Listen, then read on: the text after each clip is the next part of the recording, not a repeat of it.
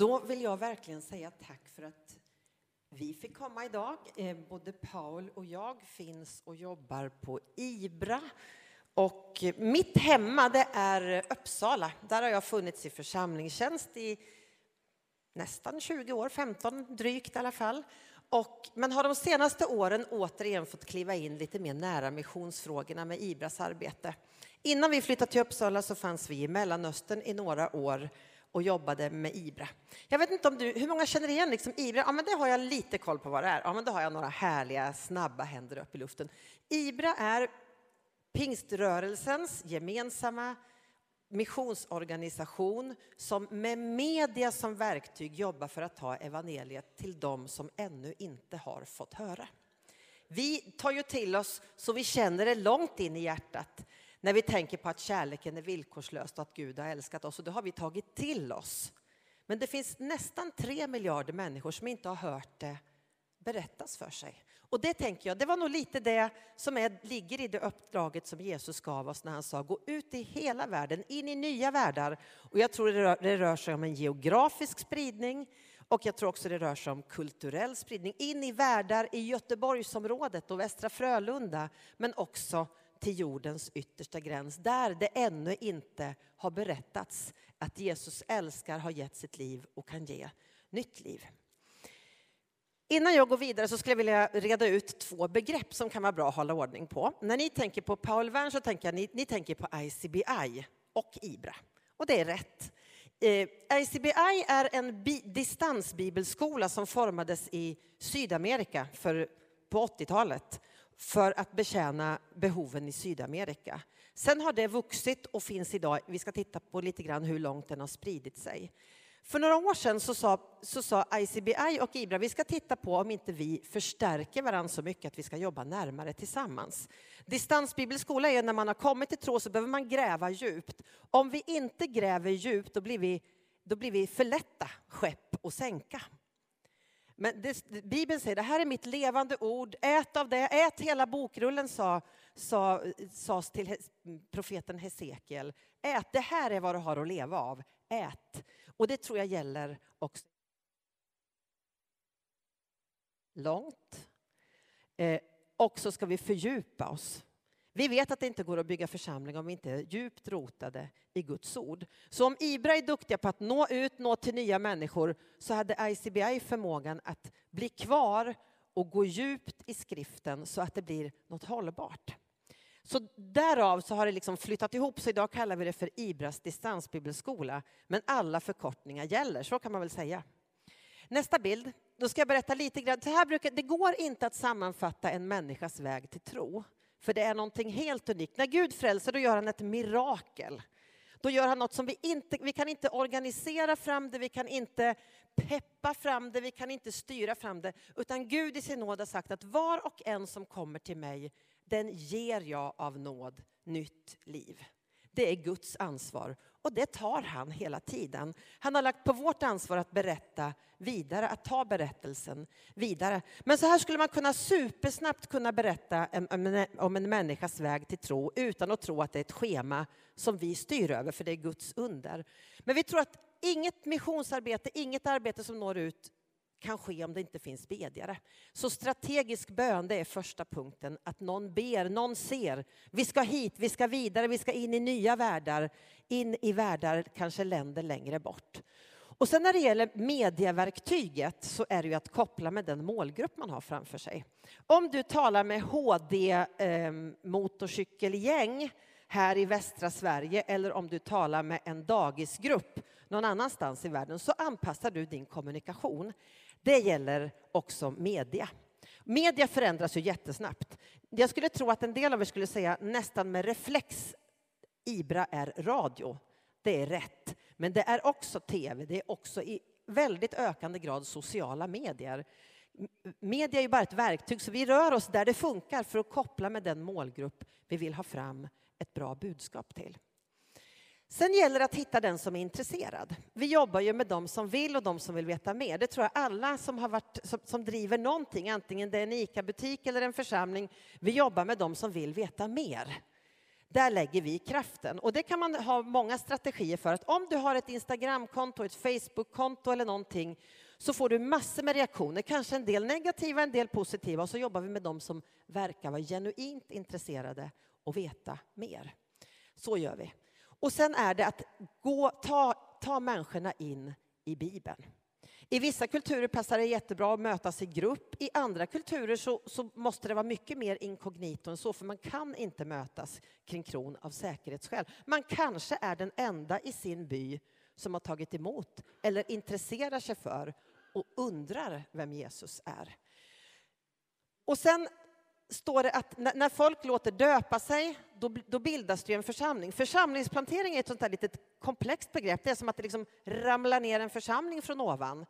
Så är det ju inte, utan det är ju människor som har kommit till tro. När man har några människor som har valt att följa Jesus, då uppstår en församling. Förr i tiden i Sverige så sa man att då ordnade man med församling när det fanns några troende. Och så är det ju i väldigt hög grad. Men vi säger att när, när människor, var de än befinner sig, i vilket kulturellt Eh, plats de än finns, men har man läst Bibeln, tagit till sig, valt att följa och vill döpa sig, då uppstår ju ändå en församling när, när man är några stycken som är i det läget.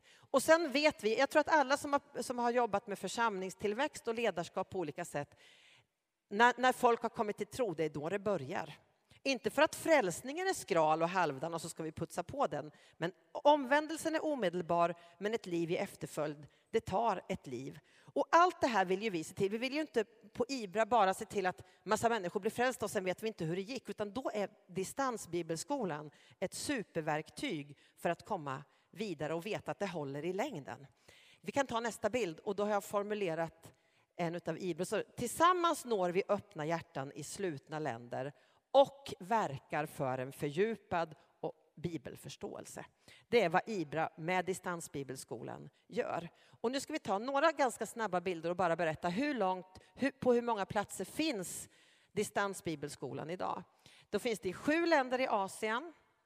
Bläddrar vi ganska snabbt. I Nordafrika är det två länder som har en distansbibelskola. I Afrika är det elva länder. Bland, här kan vi stanna lite. Här finns bland annat i Kongo en ledarutbildning och bibelutbildning för barn och ungdomsledare. När man såg i, i, i, Kongo finns det många troende, det är ett ganska stort samfund och jag vet att ni här i Västra Frölunda känner Kongo ganska väl. Det, alltså inte, det, handlar inte om att alla kom till tro igår eller att några stycken i hemlighet, utan det är en jättestor församlingsrörelse. Men man såg, vi får inte med oss nästa generation.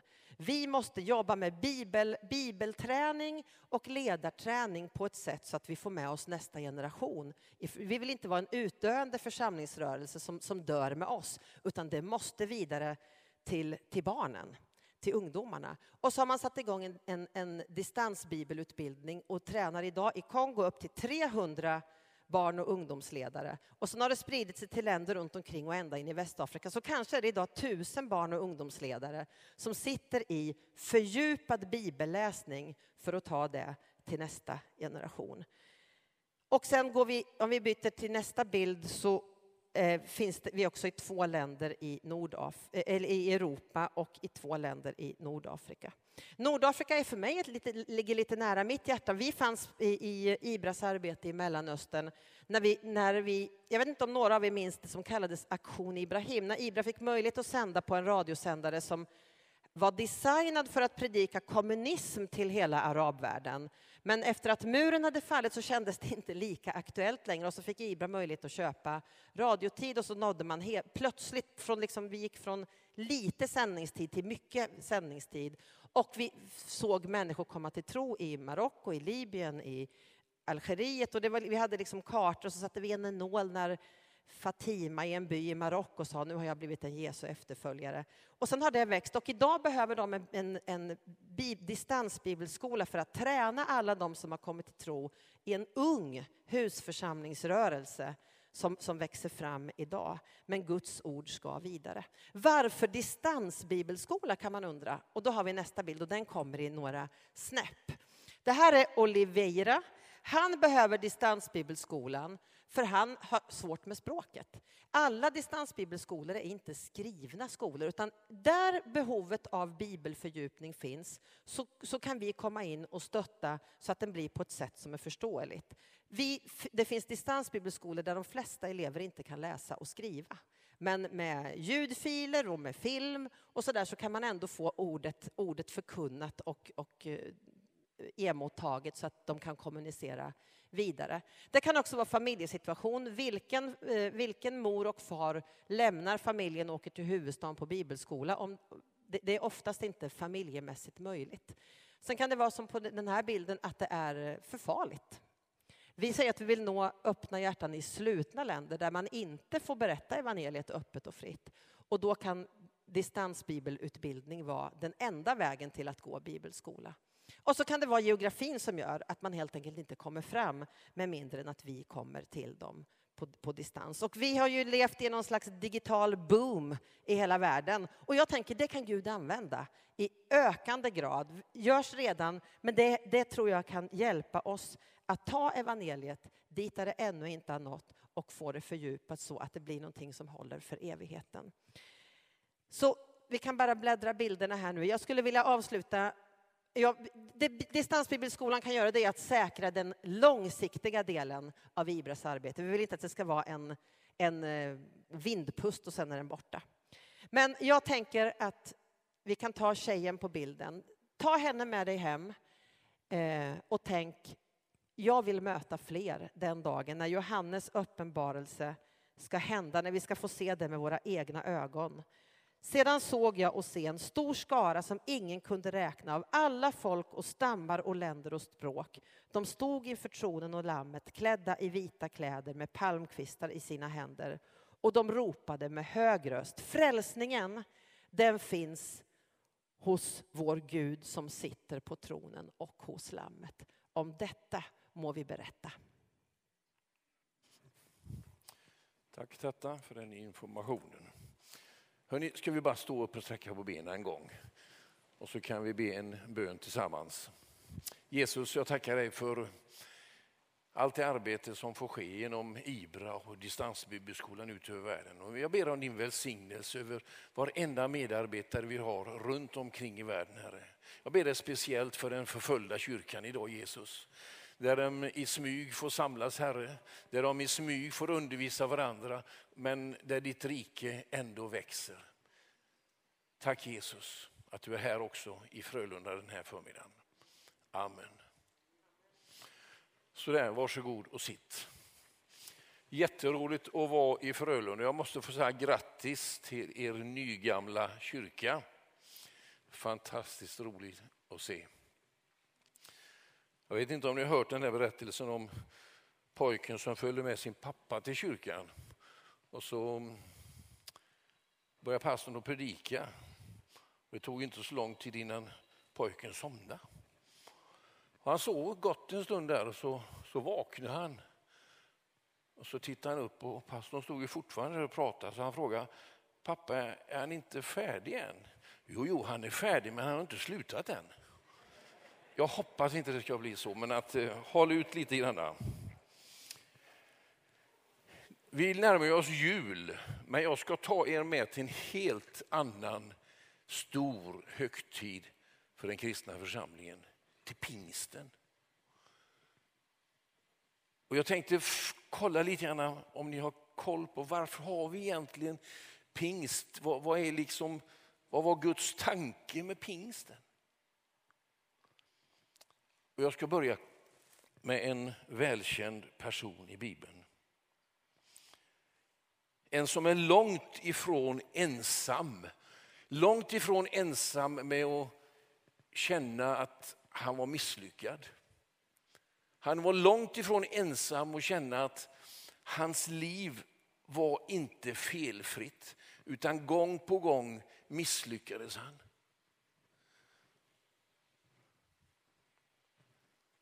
Han hade haft en väldigt hög bekännelse. När Jesus hade talat med sina lärjungar om att han skulle lida och dö, han skulle bli överlämnad till hedningarna, så säger Petrus, nej Jesus, det kommer inte att ske. Jag kommer inte att tillåta det. Vad som än händer så kommer jag aldrig att svika dig. Om jag så ska gå i döden för dig, Jesus. Och så vet du hur det går. Jesus tas till fånga. Han förs till överste prästen Kaifas hus. Man eh, hånar honom, man gisslar honom, man plågar honom. Och ehm, Petrus han följer efter på avstånd, står det. Och när han kommer till Kaifas hus där på borggården så står han på kvällen och värmer sig omkring elden tillsammans med en del av dem som var Jesu fiender. När plötsligt en kommer fram till honom och säger, du är ju han en av hans lärjungar. Nej, nej, nej, nej, nej, säger Petrus. Alldeles en tid efteråt så kommer de tillbaka. Jo, men visst var du en av dem som följde honom på resorna? Nej, säger han. En tredje gång kommer de och säger, jo, du måste ha varit en av dem som följde Jesus. Och Då står det att han svär och han förbannar på att jag känner inte den mannen. Och när han har sagt det så gol tuppen. Och han kom ihåg. Han kom ihåg sin höga bekännelse. Han kom ihåg Jesu ord om att innan tuppen gal så kommer du tre gånger att förneka mig. Nej Jesus, det kommer inte att hända. Och så hör han sig själv säga, jag känner inte den mannen. När tuppen gol så var det som ett svärd stacks in i hans inre. Inte bara för att han hade på något sätt misslyckats utan för att han plötsligt insåg hur oerhört svag som människa han var.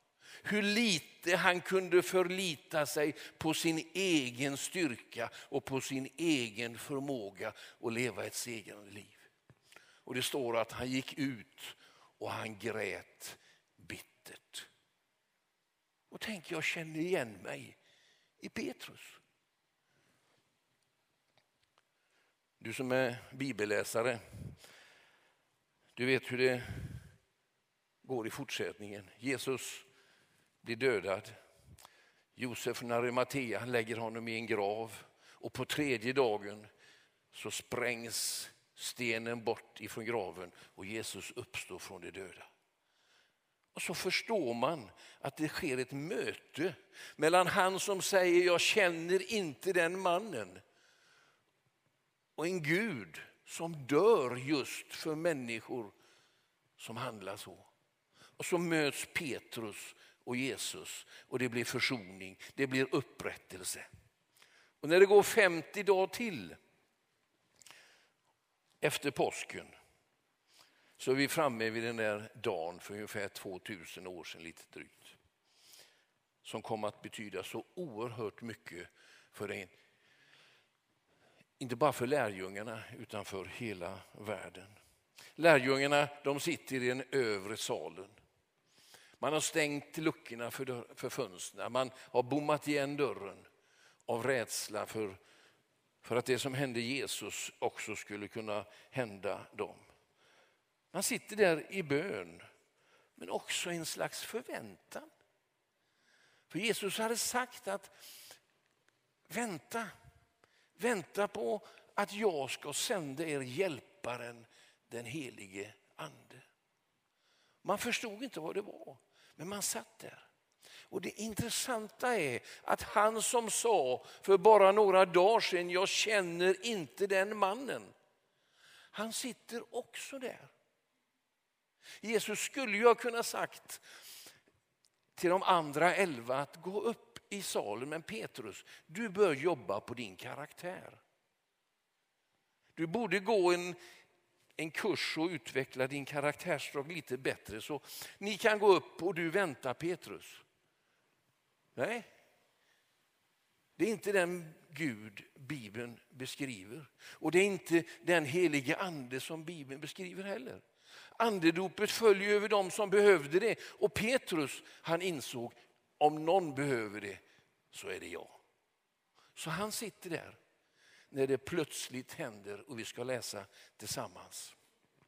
från Apostlagärningarna 2.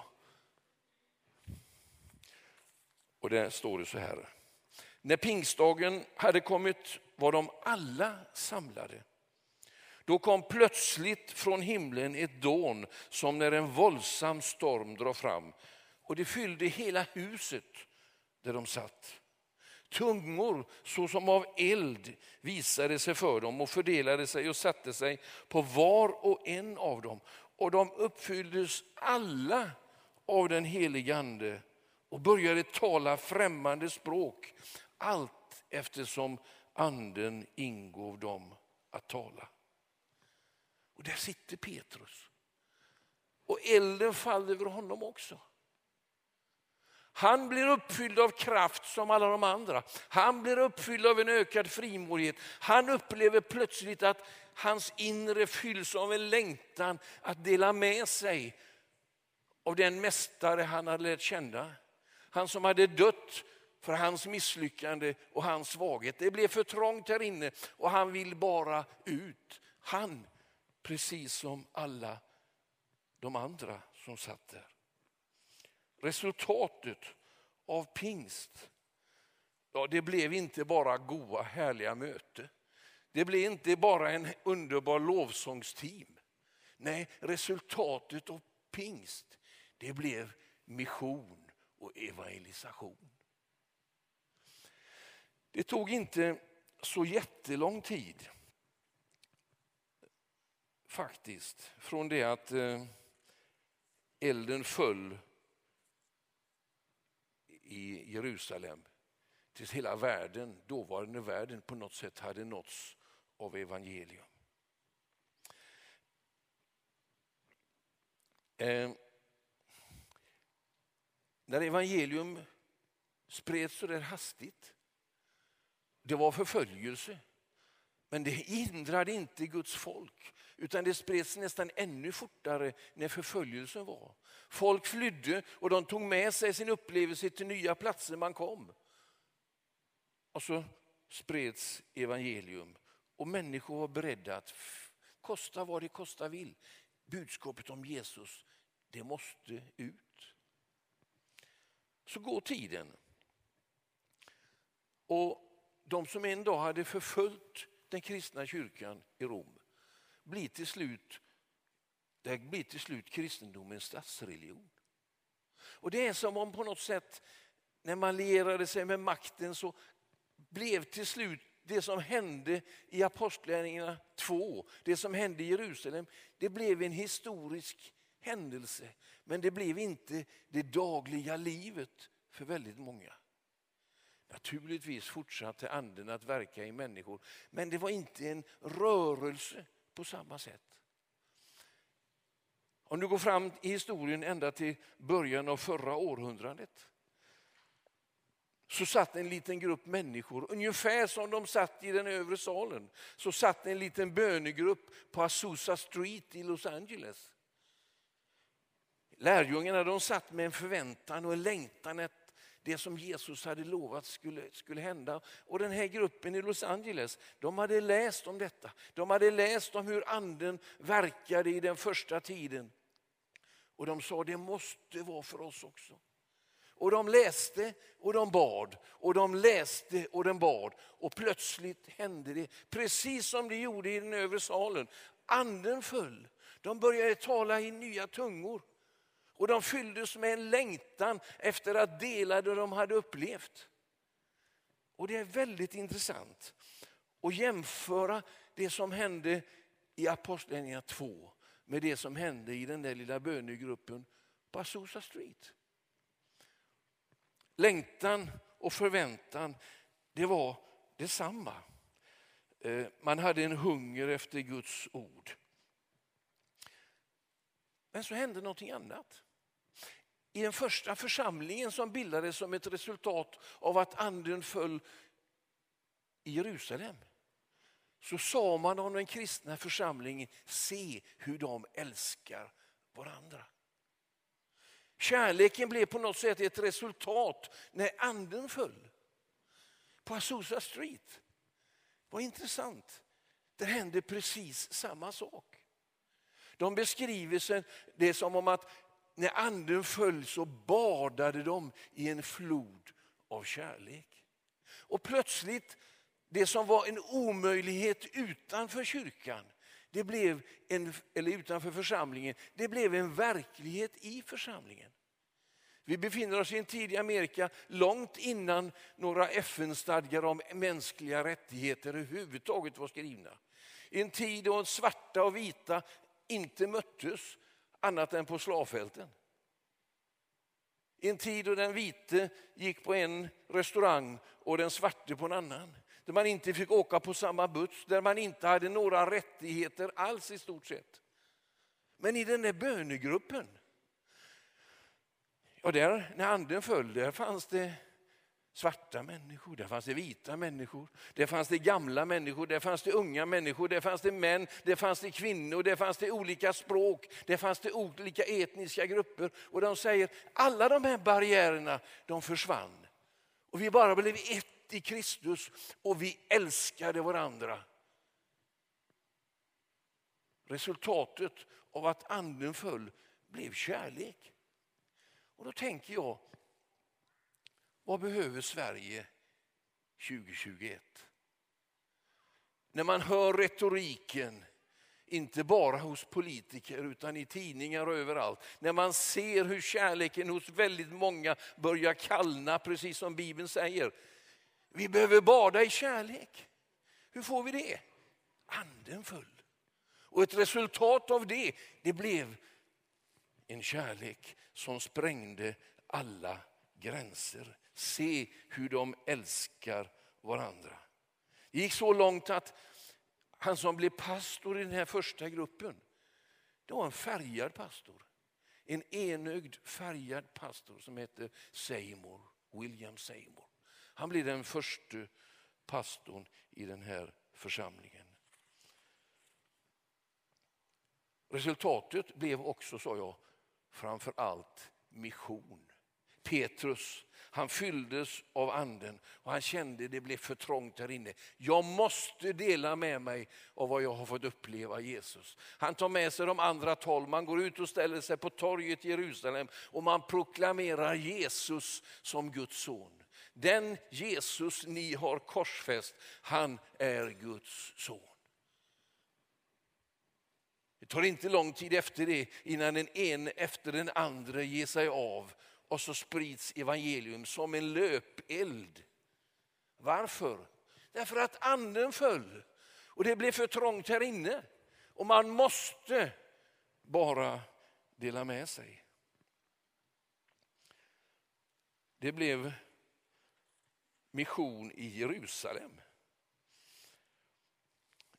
Gruppen i Azusa Street, precis samma sak. De kände det här kan vi inte behålla för oss själva. Utan vi måste dela med oss av evangelium. Det fanns svenskar med i den gruppen, det fanns olika etniska grupper och de blev sända till olika ställen runt om på vår jord. Andedopet på Azusa Street det var alltså inte bara för min egen välsignelse. Det var inte för gruppens välbefinnande och sköna atmosfär. Nej, det var för den här världens skull. För den här världens frälsnings skull föll anden och någonting hände. Resultatet blev mission. Så mission och pingst, det går inte att skilja åt. Det var själva idén med pingsten det var mission och evangelisation. Vi kan ta nästa bild. Så här sa Jesus. Ni ska få kraft när den heliga ande kommer över er och ni ska vittna om mig i Jerusalem och i Judeen och Samarien och ända in till jordens yttersta gräns. Ni ska få den heliga ande och då kommer ni att få kraft att bli mina vittnen. Och så har vi det här hur vi läser Bibeln. Jag satt i ett möte en gång där det var en församling som ville dra ner på sin mission. För de tyckte att de hade så stora behov i sin egen kommun. Och det låter mänskligt sett ganska vettigt. Men i Guds matematik och i Guds värld är det totalt fel. För det ligger en välsignelse i att göra precis som det står. Och det står ju inte att lärjungarna skulle vara i Jerusalem och när Jerusalem hade blivit kristet då kunde man gå vidare till, till Judeen. Och när man hade liksom intagit Judeen för kristen tro då kunde man gå till Samarien och någon gång i framtiden till jordens yttersta gräns. Nej, de gjorde inte så och det står inte så. Och det ska vi vara tacksamma för. Då hade vi troligtvis tillbett asagudarna fortfarande. Nej, det står i Jerusalem och Judeen och Samarien och till jordens yttersta gräns. Man fortsatte i Jerusalem, men när några var i Jerusalem så gick andra till Judeen. Några fortsatte till Samarien. Paulus och Petrus och en del andra de drog till jordens yttersta gräns. Thomas hamnade i Indien och så vidare och så vidare. Och tänk, det ligger en välsignelse i att göra som Bibeln säger. I ett och-tänkande och inte efteråt. Så var det när svensk pingsmission växte fram. Det fanns församlingar i Sverige som innan man ens hade en pastor så hade man skickat sin första missionär. Vi kan ta nästa bild. Man skickade folk till Kina, man skickade folk till Kongo, man skickade folk till Brasilien. Långt, långt innan man hade etablerat en stor och kraftig verksamhet i Sverige. För budskapet det skulle till Jerusalem och Judeen och Samarien och in till världens, jordens yttersta gräns. Precis så gjorde man. Och det var som när man gjorde det så välsignade Gud arbetet hemma. Gud, han är precis densamme idag. När jag var ung så blev jag utsänd bland annat av den här församlingen till Ovira I norra spetsen av Tanganyikasjön. Jag hade en, ledde en bibelskola där. Och det där var en historisk plats för missionen. Det var den platsen dit de första missionärerna kom 1921. Det var inga gamla män som jag då, utan det var ungdomar. 27, 28, 26, 30 år. Men de hade varit i den övre salen. De hade upplevt att anden föll och det blev för trångt här inne och kosta vad det kosta vill. Evangelium måste ut det måste till Kongo. Utanför kyrkan i Ovira finns en minnessten. Och på den står det namnen av fyra unga människor, 27, 28, 30 år gamla ungefär.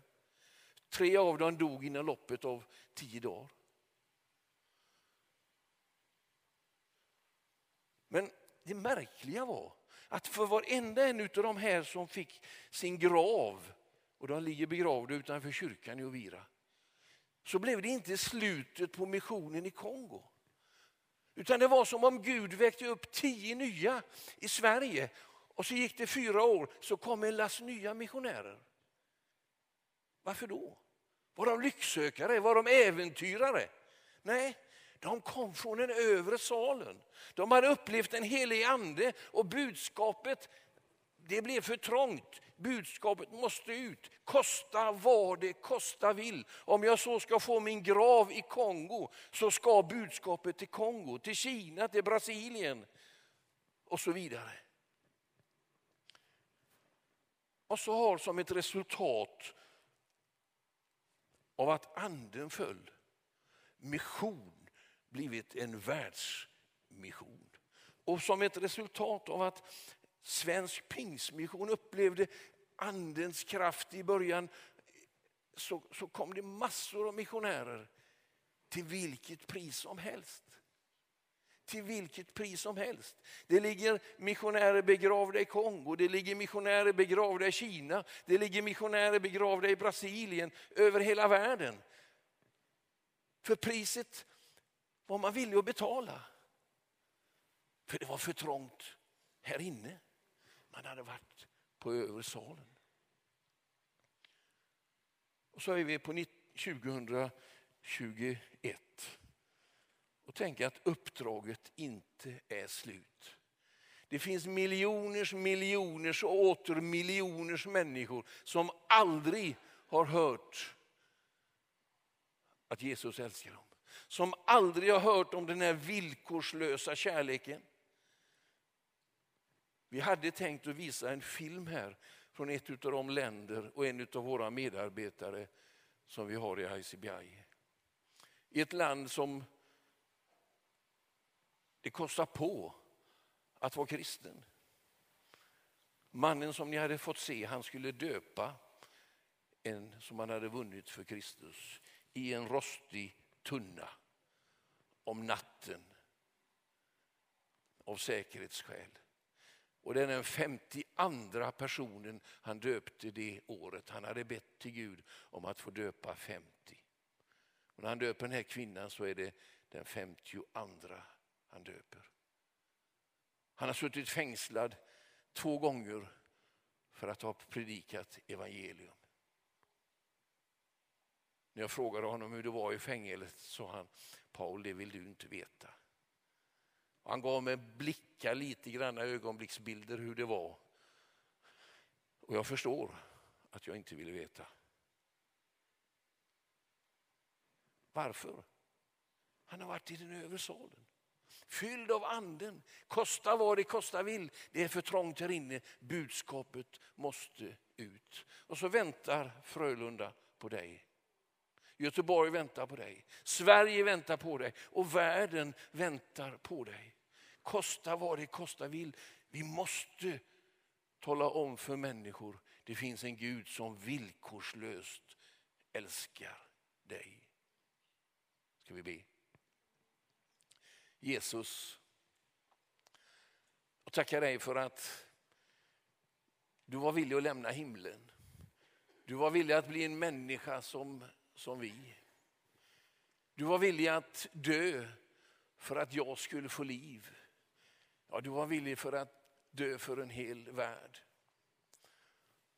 Herre, jag tackar dig för pingsten. Jag tackar dig för din heliga ande. Jag tackar dig för att du kom och du sände din heliga ande och du fyllde oss med kraft för att vi skulle bli dina vittnen.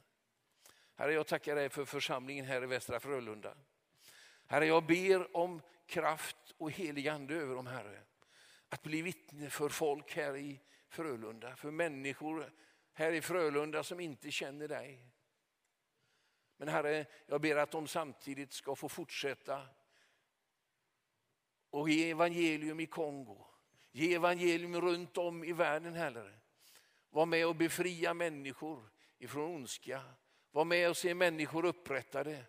Var med och stilla hunger. Var med och göra det du sa att vi skulle göra. Gå ut och gör alla folk till mina lärjungar. Jag ber om välsignelse för församlingen, Herre. Och jag tackar dig för att du har kallat oss. Men jag tackar dig också att du har fyllt oss med helig ande.